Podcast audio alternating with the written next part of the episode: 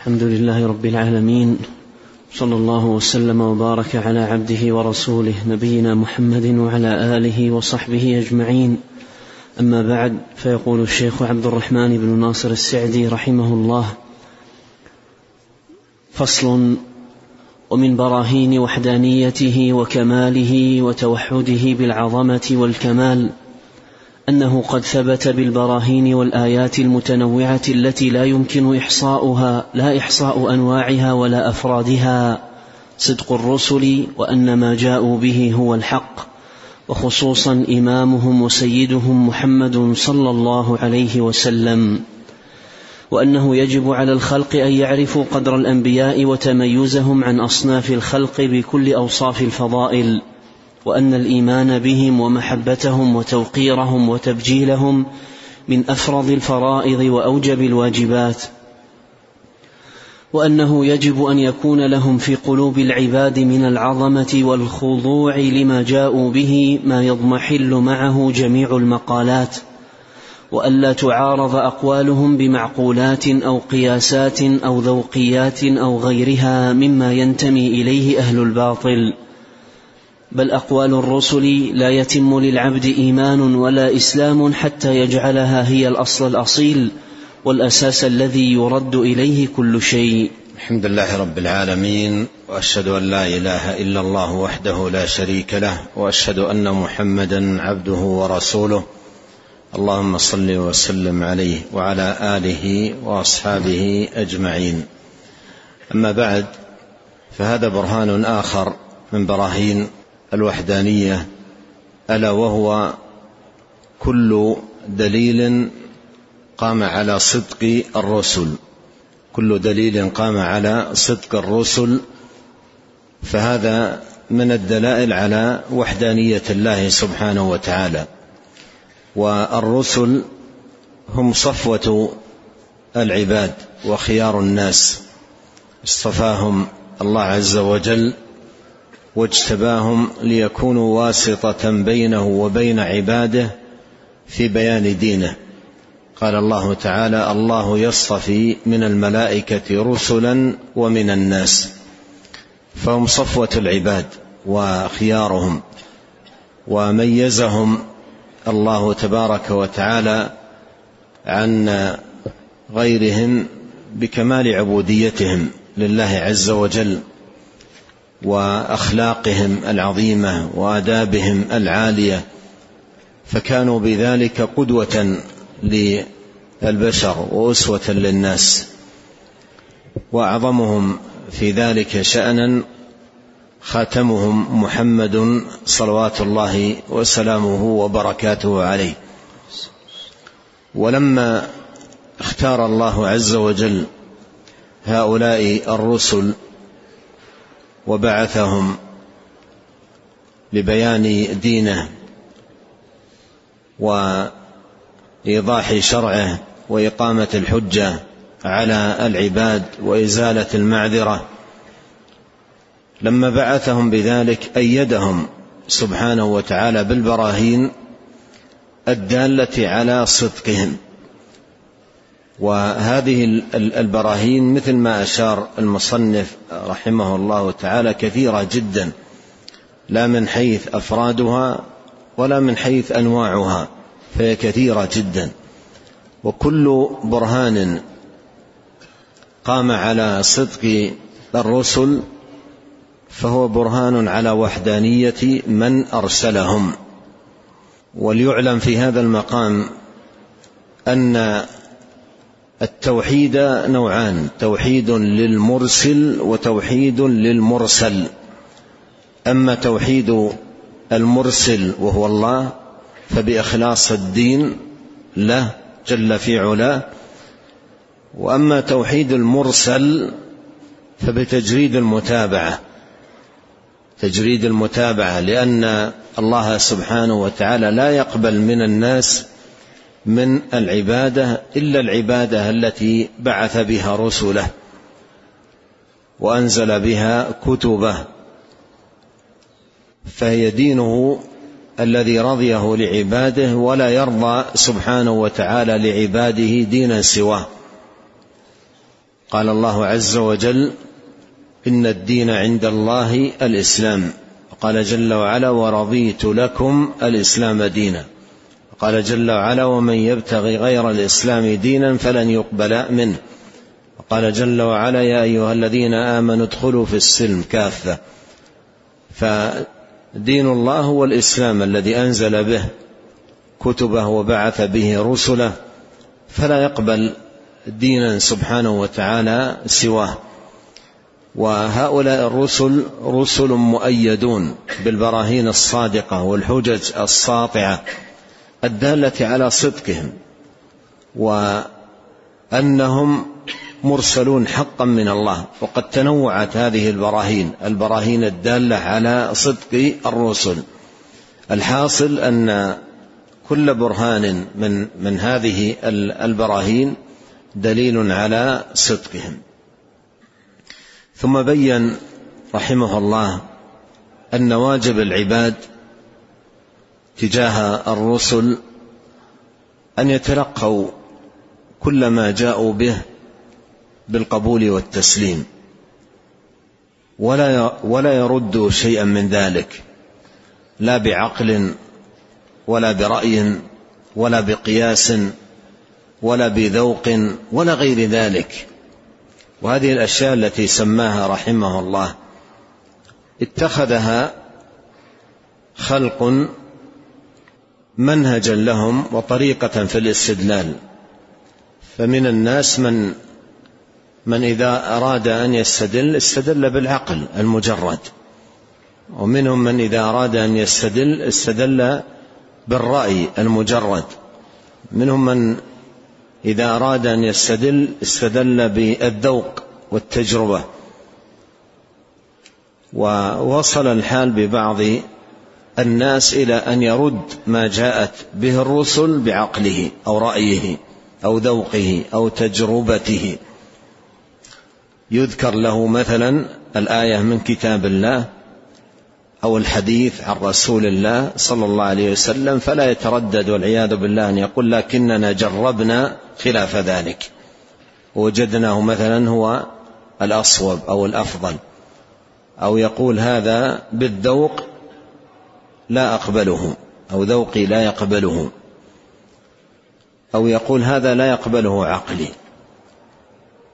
وهذا أبطل الباطل لا تعارض دعوة الرسل وما جاء به رسل الله عليهم صلوات الله وسلامه لا برأي ولا بعقل ولا بذوق ولا بوجد ولا غير ذلك بل تتلقى بالقبول.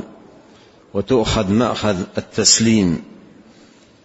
وما كان لمؤمن ولا مؤمنة إذا قضى الله ورسوله أمرا أن يكون لهم الخيرة من أمرهم. ومن يعص الله ورسوله فقد ضل ضلالا مبينا. نعم. قال رحمه الله فتعين على كل مكلف له دين أو عقل أن يعتد قد علم وقد علم أن زبدة دعوتهم وأساسها الدعوة إلى توحيد الله ومعرفته وإلى عبوديته وإخلاص العمل له وقد قامت البراهين التي لا تعارض ولا تمانع على صدقهم وصحة ما جاءوا به. نعم يعني هذا توضيح لكيفية الاستدلال بهذا البرهان على الوحدانية، وحدانية الله سبحانه وتعالى. فالبراهين التي قامت على صدق الرسل كلها دلائل وبراهين على وحدانية من أرسلهم. يقول الشيخ إذا نظرت في دعوة الرسل تجد أن زبدة دعوة الرسل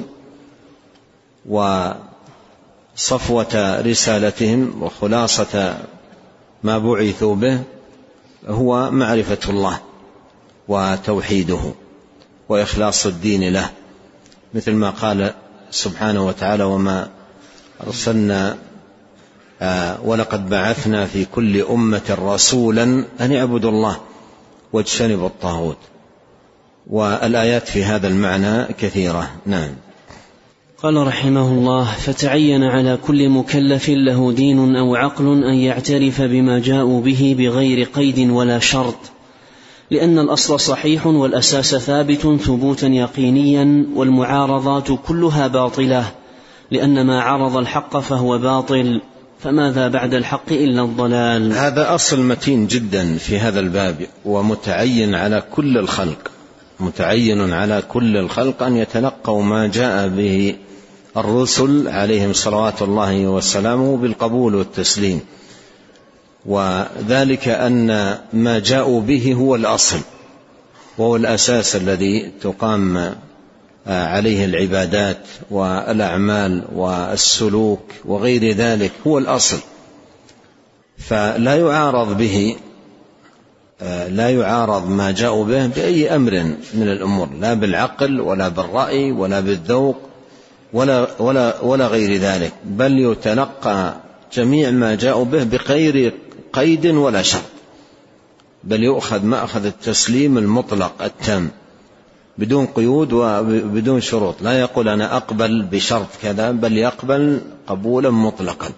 مثل ما قال الإمام الزهري رحمه الله قال من الله الرسالة وعلى الرسول البلاغ وعلينا التسليم ليس لنا إلا أن نسلم وأن نأخذ الأمر مأخذ التسليم التام لأن هذا دين الله خالق الخلق العليم بهم الحكيم الخبير سبحانه وتعالى.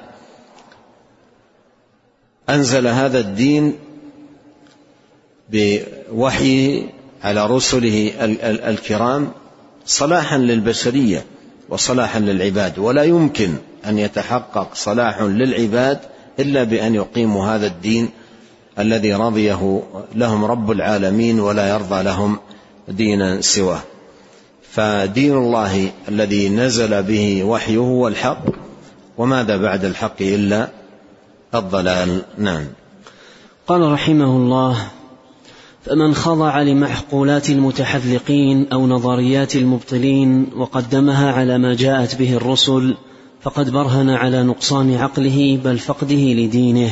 نعم هذا ال هذا ال هذه البوابة التي يدخل يدخل من خلالها الناس إلى الانحراف وإلى الإلحاد وإلى الضياع. هذه البوابة البوابة التي يدخل منها أن أن يترك آه، الوحي الذي جاءت به رسل آه، الله عليهم صلوات الله وسلامه ثم يسلمون آه، عقولهم للمعقولات بعض الناس وتحذلقهم وفلسفتهم وآرائهم. وحينئذ يضيع دين المرء. إذا سلم عقله لفكر رجل أو رأيه أو معقوله أو ذوقه أو أقيس أقيسته الفاسدة أو غير ذلك حينئذ يضيع دينه يضيع دينه. وهذا الذي يشير إليه رحمه الله هنا هو هو الخط الذي من خلاله انزلق كثير من الناس في صنوف من الباطل. يخضع رأيه يخضع عقله لمعقولات المتحذلقين ونظريات المبطلين وفلسفات المتفلسفين ومنطقيات المنطقيين ويعرض عن هدى رب العالمين ووحي الله سبحانه وتعالى المنزل على رسله الكرام عليهم صلوات الله وسلامه. نعم. قال رحمه الله هذا كله مع التنزل على فرض وجود معقولات تناقض ما جاءت به الرسل. فكيف والمعقولات الصحيحة تؤيد ما جاءت به الرسل وهي من أكبر الشواهد على صدقهم؟ وإنما تقع المعارضة بين معقولات أناس سفهاء الأحلام متكبرين بمعلوماتهم وآرائهم الضئيلة. والله المستعان. هذا أيضا تنبيه على أصل مهم جدا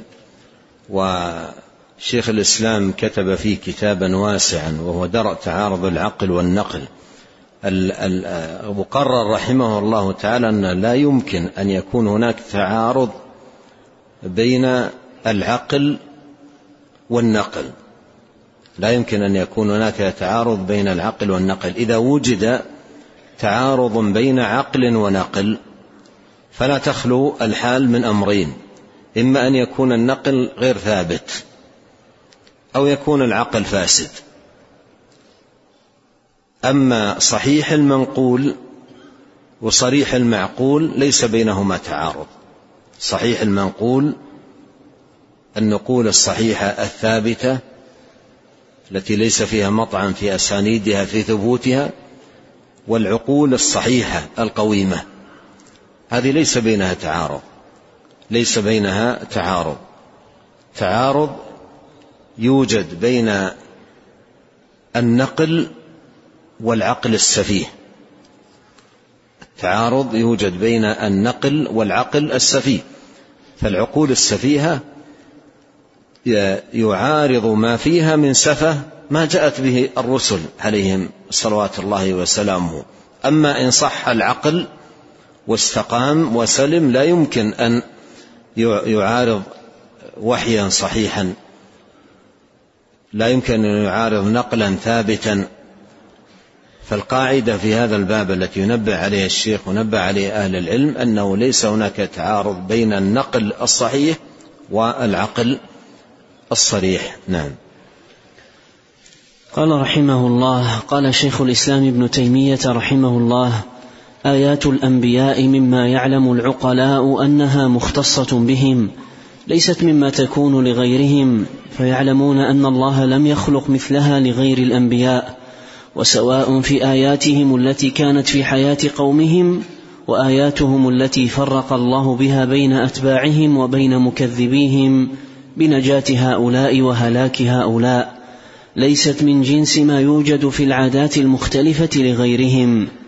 وذلك مثل تغريق الله لجميع أهل الأرض إلا لنوح ومن ركب معه في السفينة فهذا لم يكن قط في العالم نظيره. نعم هنا ينقل الشيخ آه، رحمه الله تاكيدا للفصل السابق كلاما آه، متينا وعظيما لشيخ الإسلام ابن تيمية رحمه الله يتحدث فيه عن آيات الأنبياء وأن آيات الأنبياء هي أمور خارقة للعادة التي جرت عليها عادة الناس عادة البشر وهي مختصة بالانبياء حتى إن ما يقع من آه، ما هو من قبيل كرامات الأولياء لا يرتقي إلى هذا الأمر الذي هو الآيات آيات النبوة وبراهينها. فهذه أشياء خاصة بهم. خاصة بأنبياء الله جل وعلا. فبراهين الأنبياء الدالة على صدق الأنبياء هذه أمور خص بها سبحانه وتعالى آه، أنبياءه. لا من حيث آه، الآية التي حدثت ووقعت في في زمانهم ولا أيضا ما كان من أمور فرق الله بها بينهم وبين أعدائهم. بأمور عظيمة جدا. هي آيات يعني غراق أهل الأرض جميعا. غرقوا أهل الأرض جميعا. في إلا من كانوا مع نوح عليه السلام في السفينة. بما فيهم ابنه الذي أشار عليه والده أن يركب معه في السفينة فقال سآوي إلى جبل.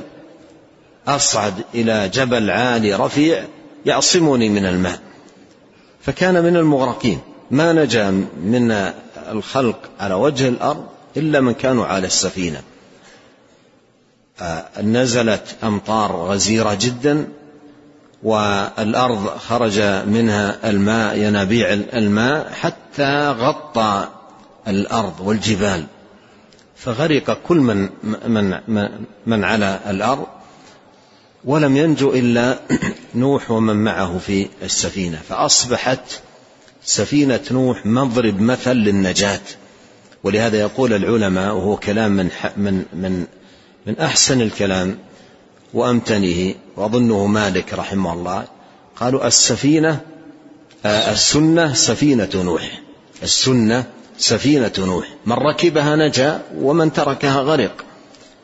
أصبحت مثلا للنجاة. لا يمكن أن ينجو الإنسان إلا بركوب سفينة الحق التي هي السنة الهدي الذي جاء به الرسول الكريم صلوات الله وسلامه وبركاته عليه. فالحاصل أن آيات أن آيات الأنبياء آيات الأنبياء التي أيد أيد أيدهم الله سبحانه وتعالى بها وأقامها برهانا على صدقهم وصدق ما جاءوا به عليهم صلوات الله وسلامه. هذه أمر خاص بهم. لا يقع من من جنسه شيء لغير الأنبياء. وهي منها أمور وقعت في في في زمان سيأتي أمثلة عليها. وأمور فرق الله سبحانه وتعالى بها بين أتباع الأنبياء وبين مكذبيهم. بنجاة هؤلاء وهلاك هؤلاء. ولما تقرأ القصص في هذا الباب في نجاة أتباع الأنبياء وهلاك من سواهم تجد آيات عظيمة جدا. يعني تقرأ قصة قوم نوح قصة قوم لوط هلاك قوم عاد وغيرهم وتنوع فتنوع الأمور التي هلكوا بها. فكلا أخذنا بذنبه فمنهم من أرسلنا عليه حاصبا ومنهم من أخذته الصيحة ومنهم من أغرقنا ومنهم من خسفنا به الأرض ومنهم من أغرقنا. فتنوعت لكن نوع الهلاك العام لهؤلاء الذي يهلكون به هلاك نفس واحدة.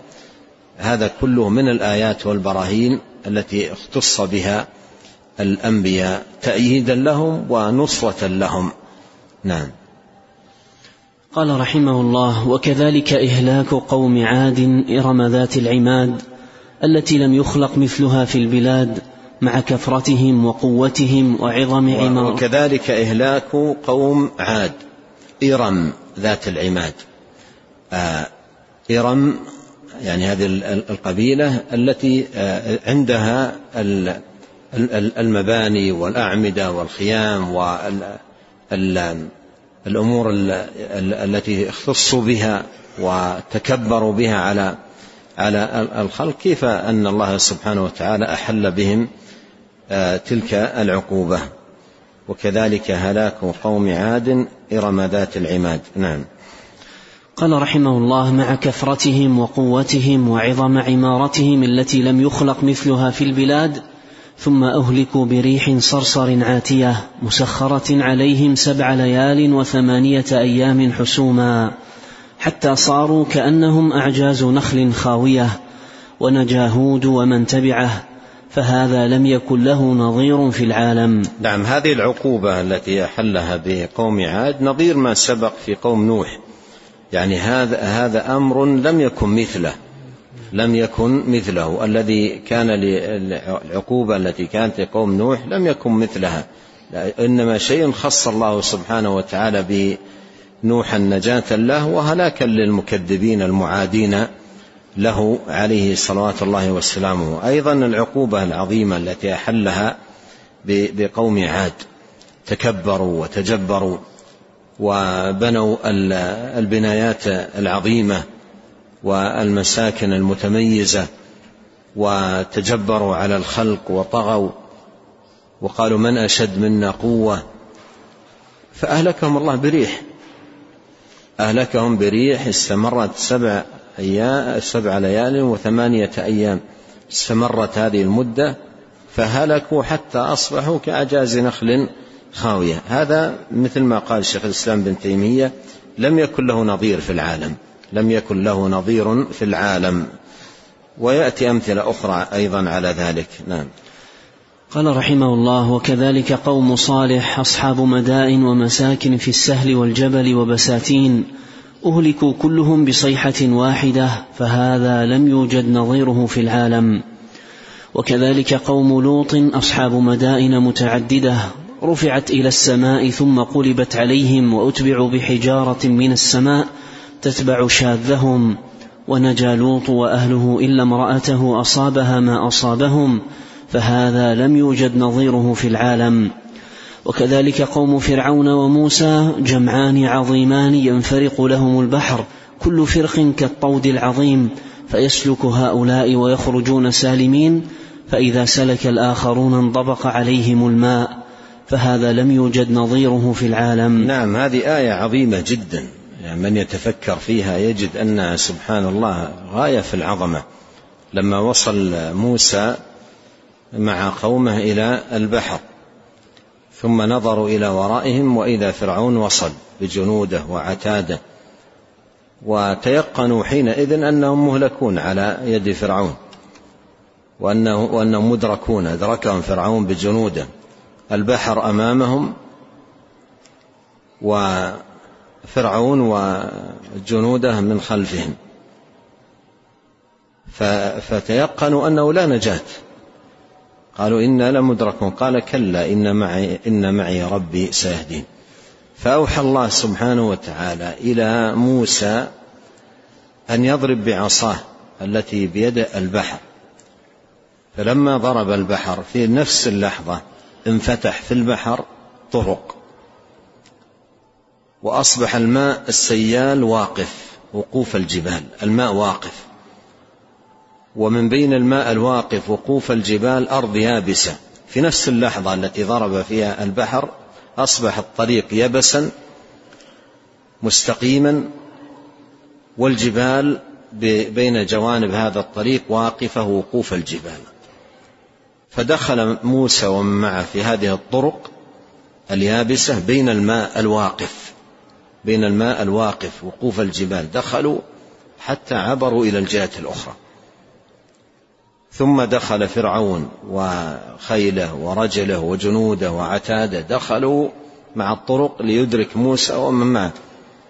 فلما اكتمل موسى ومن معه خروجا واكتمل فرعون ومن معه دخولا في هذه في هذا الطريق اليبس أمر الله البحر أن يعود كما كان. فهلكوا هلاك نفس واحدة. قوم موسى كم حصل لهم من الأذى والتقتيل واستحياء النساء وقتل الأبناء وغير ذلك ثم يرون بأعينهم هذا الطاغية وهلاك بجنوده هذا الهلاك. آية من أعظم الآيات وعبرة من أعظم العبر. هذا ليس له ليس له نظير في في ليس له نظير في العالم.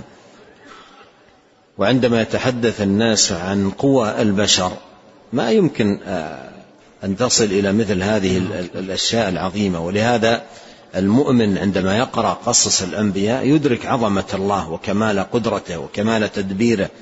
ولهذا آيات الأنبياء وهذا ما يؤكد عليه الشيخ ابن سعدي بنقل هذا النقل آيات الأنبياء هي براهين على وحدانية من أرسلهم سبحانه وتعالى. نعم.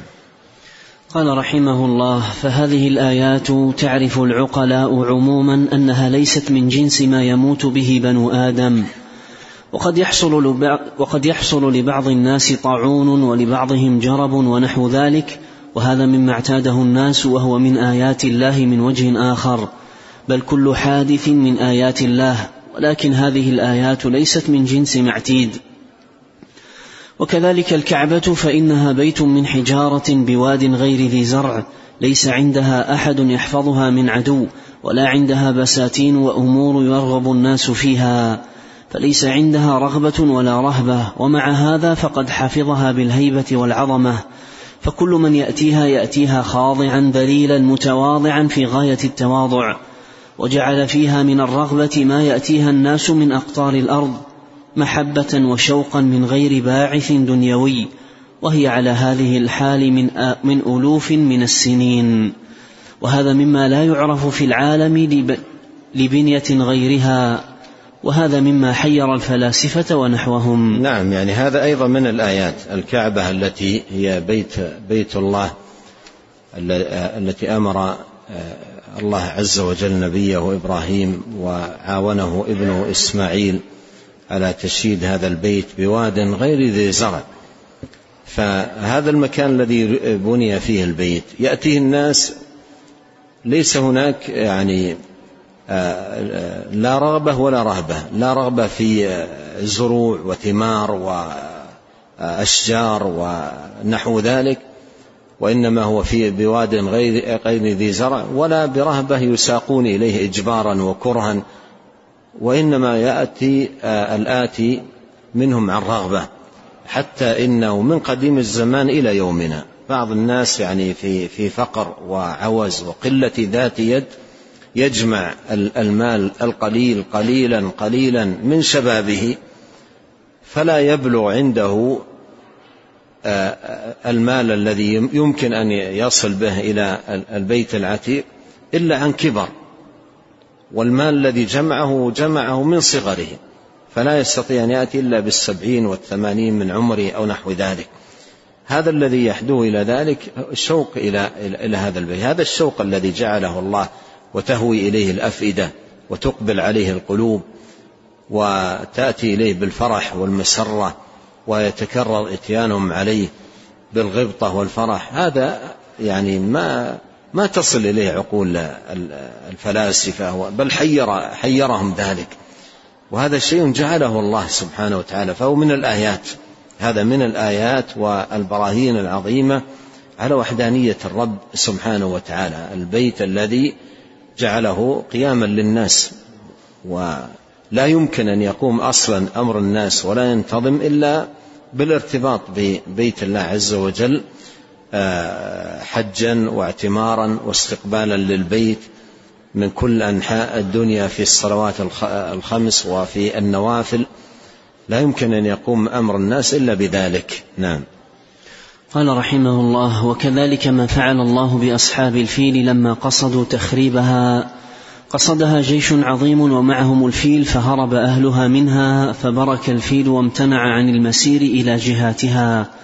وإذا وجهوه إلى غيرها توجه ثم جاءهم من البحر طيرا أبابيل أي جماعات في تفرقة فوجا بعد فوج رموا عليهم حصى هلكوا بها كلهم فهذا مما لم يوجد نظيره في العالم. فآيات الأنبياء هي آيات وأدلة على صدقهم. ومن هذا سنة الله في الفرق بين الأنبياء وأتباعهم وبين مكذبيهم. ثم ذكر الآيات في إهلاك المكذبين للرسل ونجاة الرسل قال وهذه الأخبار كانت منتشرة ومتواترة في العالم وقد علم الناس أنها آيات للأنبياء وعقوبة لمكذبيهم. ولهذا يذكرونها عند نظائرها للاعتبار. والقرآن آيته باقية على طول الزمان من حين جاء به الرسول صلى الله عليه وسلم. تتلى آيات التحدي فيه ويتلى قوله قل لئن اجتمعت الانس والجن على ان ياتوا بمثل هذا القران لا ياتون بمثله الايه فنفس أخبار الرسول بهذا في اول الامر وقطعه بذلك مع علمه بكثره الخلق دليل على انه كان خارقا يعجز الثقلين عن معارضته ويعجز الثقلين عن يعجز الثقلين عن معارضته وهذا لا يكون لغير الانبياء ثم مع طول الزمان قد سمعه الموافق والمخالف والعرب والعجم وليس في الأمم من أظهر كتابا يقرأه الناس وقال إنه مثله. نعم هذا التحدي بالقرآن أن يؤتى بمثله أو ببعضه أو بسوره من مثله هذا تحدي قائم على طول الزمان. على طول الزمان وباق إلى قيام الساعة. والنبي صلى الله عليه وسلم أورد هذا التحدي مع علمه بكثرة الخلق. مع علمه بكثرة الخلق. والتحدي ليس لواحد منهم ولا لبعض فصحائهم وإنما للإنس والجن قاطبة إلى أن يرث الله الأرض ومن عليه. مع علمه بكثرة الخلق نزلت هذه الآيات آيات التحدي أن يؤتى بمثل هذا القرآن أو بسورة أو بعشر سور أو بآية من مثله. نعم. قال رحمه الله وهذا يعرفه كل أح كل واحد وما من كلام تكلم به الناس وإن كان في أعلى طبقات الكلام لفظا ومعنى إلا وقد قال الناس نظيره وما يشبهه ويقاربه. الشعر والنثر وغيره من كلام الناس يوجد من من يحاكيه ويأتي بمثله أو يأتي بأحسن منه اجود فيقال هذا مثل هذه القصيدة مثل قصيدة فلان أو يقال أجود من من قصيدة فلان فكلام البشر يؤتى بمثله وبما هو أجود منه. نعم. قال رحمه الله سواء كان شعرا أو خطابة أو كلاما في العلوم والحكمة والاستدلال والوعظ والرسائل وغير ذلك وما وجد من ذلك شيء إلا وجد ما يشبهه ويقاربه. والقرآن مما يعلم الناس عربهم وعجمهم أنه لم يوجد له نظير مع حرص العرب وغير العرب على معارضته فلفظه فلفظه آية ونظمه آية وإخباره بالغيوب آية وأمره ونهيه آية ووعده ووعيده آية وجلالته وعظمته وسلطانه على القلوب آية وإذا ترجم بغير العربي كانت معانيه آية كل ذلك لا يوجد له نظير في العالم. إلى ما قال رحمه الله. نعم إلى ما قال إلى آخر ما قال رحمه الله. هذا النص منقول من كتابه النبوات وكتاب النبوات كتاب عظيم جدا في بابه ومطبوع في مجلد كبير وحوى فوائد عظيمة في في هذا الباب باب النبوات إثباتها والكلام على براهين الأنبياء. وآياتهم الدالة على صدقهم والرد على الفلاسفة وغيرهم فيما قالوه من باطل فيما يتعلق بنبوات الأنبياء عليهم صلوات الله وسلامه أجمعين. سبحانك اللهم وبحمدك أشهد أن لا إله إلا أنت أستغفرك وأتوب إليك. اللهم صل وسلم على عبدك ورسولك نبينا محمد وآله وصحبه. جزاكم الله خيرا.